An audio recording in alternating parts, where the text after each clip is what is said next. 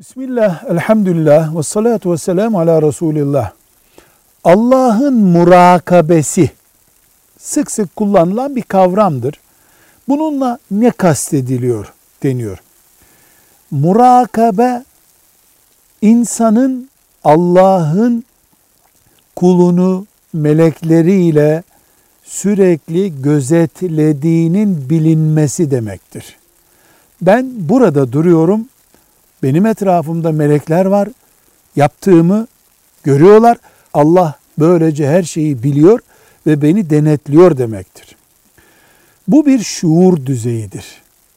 Müslümanın kendisini sürekli Allah ile hissetmesi halidir. Bu düzey, bu şuur düzeyi özellikle Esma-i Hüsna'nın hazmedilmesiyle Allah'ın güzel isimlerinin bilinmesi ve anlamlandırılması ile sağlanır.